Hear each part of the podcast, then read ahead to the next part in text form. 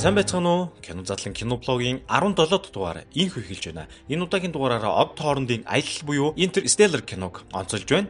Киноны зохиолыг ах トゥ Кристофер Нолан, Джонатан Ноланаар хамтарч бичсэн бөгөөд кино бүтээх сэтгэлийг төрүүлсэн California Institute-ийн онлайн физикч Kip Thorne киноны үйл явдал дүрдэх бүхий шинжлэх ухааны үндэслэлтэй тооцооллуудыг өөрийнхөө гараар хийж гүйцэтгсэн. Тэгээд мөн цаашлаад тэрээр киноны туслах продюсер болон шинжлэх ухааны зөвлөхөөр ажилласан байгаа. За бүр цаашлаад кинонд өгүүлэх төрөл бүрийн шинжлэх ухааны онолууд болон тэтгэрийг тайлбарласан The Science of the Interstellar нэртэй ном хүртэл хэвлэгдэн гарсан байдаг. За киноны продюсерыг бол Кристофер Нолан өөрөө хийсэн. За үүн дээр хүч нэмж түүний эхнэр Emma Thomas орж ирсэн. А киноны санхүүжилтийг бол Warner Bros, Paramount Pictures, Legendary Pictures компаниуд бол нийлж ингэж санхүүжилтийг босгосон. Киноны ерөнхий зураглаач бол Hoyt One Hoyt-ийн бол 35 мм болон IMAX 70 мм-ийн камеруудаар Los Angeles Англис, Айсланд, Канадын Альберт зураг авалтуудыг хийсэн байна. За Interstellar кино маань 2004 оны 10 сард Лос Анжелес хотод нээлттэй игээд бокс офисоос нийтдээ 672 сая ам долларын орлого олсон. Шинжлэх ухааны баримт материал, за тэгээд э, киноны зохиол, хөгжмийн зохиол, а тэр визуал эффект э, маш сайн байсан гэж кино шүүмжлэгчид ихээхэн сайшааж исэн яг тухайн үед бол Оскарын 87 дахь удаагийн шагнал гардуулах ёслолт 5 төрөлд нэр дэвшээд а үүнээсээ шилдэг тусгай эффект,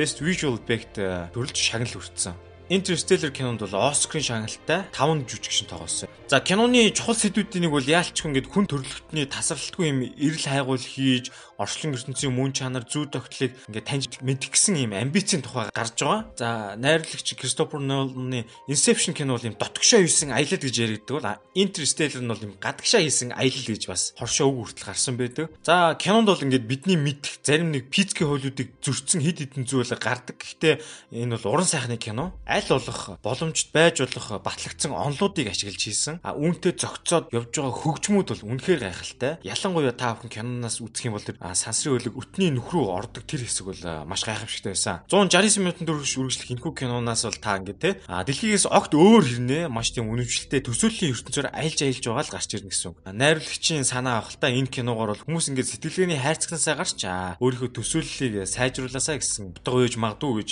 зарим шүмжлэгтийн битсэн нийтлэлийг зүйлийг уншижсэн. За киноны үйл явдлын талаар товч өрнөё. За ингээд дэлхийд үр тарианы юм өвчлөл гараад газар тарилангаас үүдэлтэй юм хүмүүсний хомсдол үүсч эхэлсэн. За хуучин НАСА-гийн нисгэгч байсан Купер гэж залуу маань тийм бэлэвсэрч хоцроод хоёр хүүхэдтэйгээ мөн хадам аавтайгаа хамт эрдэнэ шиш тариалдаг тийм фермер болсон байж л те. Куперийн охин Мөрф өрөөнийх нь номын тавираас ном өнгөж санамсруугаар унаа тэгээ тийм сүнстэй юм шиг болж байгаа гэж тэр нэг аавтай хэлдэг. За тэгсэн чинь нэг удаа айгуу тийм тийм шорон шуурга өрнөсөндөө тэр шуурганаас өрөөний шалан дээр юм сонин дүрснүүд үүсч эхэлсэн. Охин үүнийг аавтай хэл даав нь үүнийг судлаад яг энэ хэсэг тийм соронзон орны хүч их байсныг олж мэдэнгүүтээ газар зураг дээр тэмдэглэдэггүй тийм нууц байгууламж гэрийнх нь ойролцоо энэ байна хэмээн манер олж тогтоогод охинтойгоо хайжгаад олдог. Тэгсэн чинь тэр нь НАСА-гийн газар доорх нууц байгууламж байдаг өгөөд энд доктор Джон Бернард гэдэг хүнтэй уулз танилцдаг.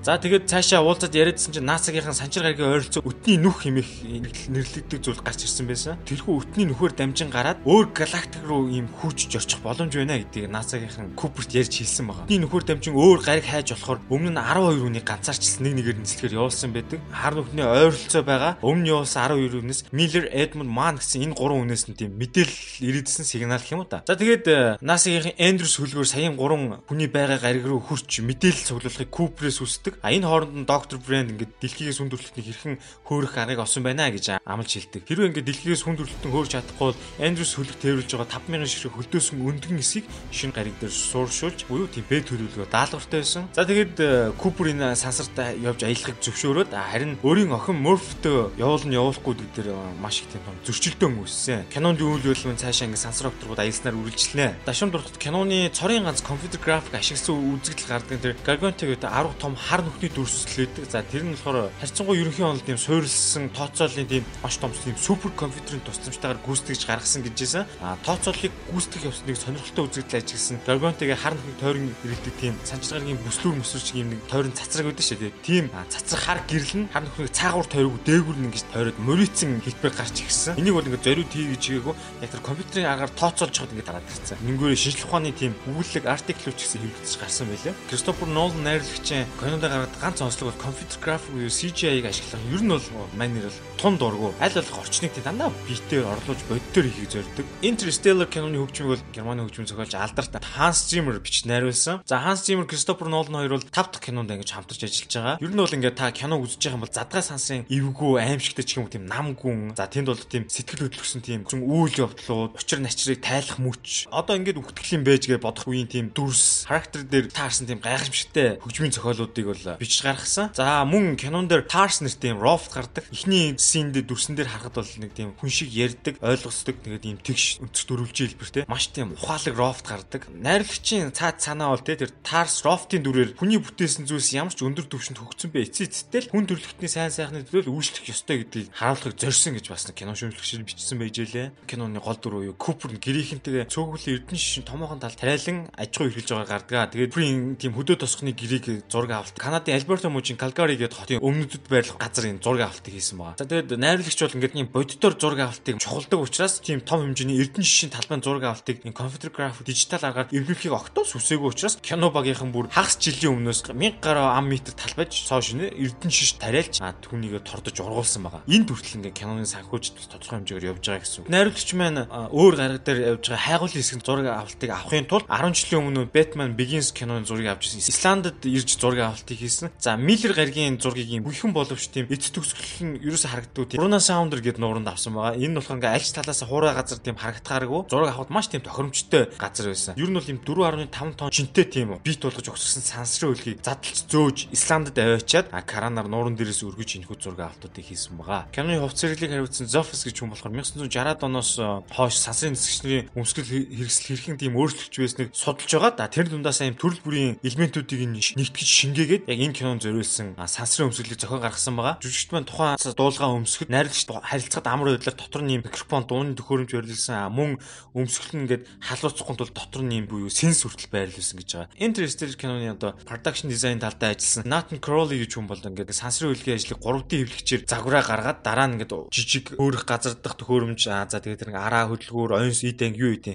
тэр хэлбэрүүдийг гаргаж угсраад 12 ширхэг задлах боломжтой юм геометрийн бүтэц хэлбэртэй хөлгийг хитэж гаргасан байгаа. Хэрвээ энэ киног та өмнө нь үзээгүй бол те тодорхой хэмжээний физикийн ойлголтуудыг мэддэг байх хэрэгтэй бол энэ ямар учиртай вэ гэхээр эдгээр ойлголтуудыг мэдчихэж киноны утга санаа найруулагчийн гаргыг гэсэн агуулгыг бүрэн ойлгоно гэсэн. Мэдүүл зохих хөстэй физикийн ойлголтуудыг эхнээс нь дурдъя. За эхнийг бол байгалийн бус татах хүч. За энэ юу гэлж байгаа нөхөр бидний хувьд ч одоо урт хугацааны турш сансрын аялал хийхэд үл нэг маш томоохон бэрхшээл тулгарна. Энэ бол сансарт ингээд таталцлын нүдэ бол тэг байдаг те. Ямар ч таталцал үйлчлэхгүй. Хүмүүс бид бүхэн дэлхийд ингээд төрсэн цагаас хойш бидний би байнгын юм татах хүчний үйлчлэлд ор байдаг учраас газар дээр гიშгээд дэлхийд ингээд татагдаад байж байгаа гэсэн. А хэрв сансарт урт хугацааны туршид аялаад явах юм бол татах хүчгүй болохоор бидний ингээд булчин маш ихээр сулрна. Хүн эрүүл мэндийн асуудалтай болно гэсэн. Интерстеллар кинонд гарч байгаа сансрын хөлбөр явж байгаа хүмүүсийн хувьд маш тийм хүндхэн асуудал. Харин үүнийг шийдсэн. За энэ яаж шийдсэн бэ гэхээр тухайн нисэж байгаа энэ сансрын хөлбөр дээр хиймэл юм татах хүчийг бий болгосон. Ингээд зохиомлоор татах хүч бий болох нэг арга нь сансрын хөлбөр ингээд тасралтгүй эргүүлэх юм байна. Төөс зохтуу хүчийг ингэж зохиомлоор бий болохоор энэ юм татах хүчтэй адил эргэлтийн эсрэг чиглүүлж нөлөөлдөг юм байна л да. За магадгүй энгийн жишээгээр хэлэх бол та ингээд иргэдэг сандал дээр суугаад хүчтэй эргэн штэ тий. Ирэхэд энэ төөс зохтуу хүч үйлчлдэг. За энэ л гэсэн үг л дээ ер нь бол. За дараагийн ойлголт хар нөх гэж вэ?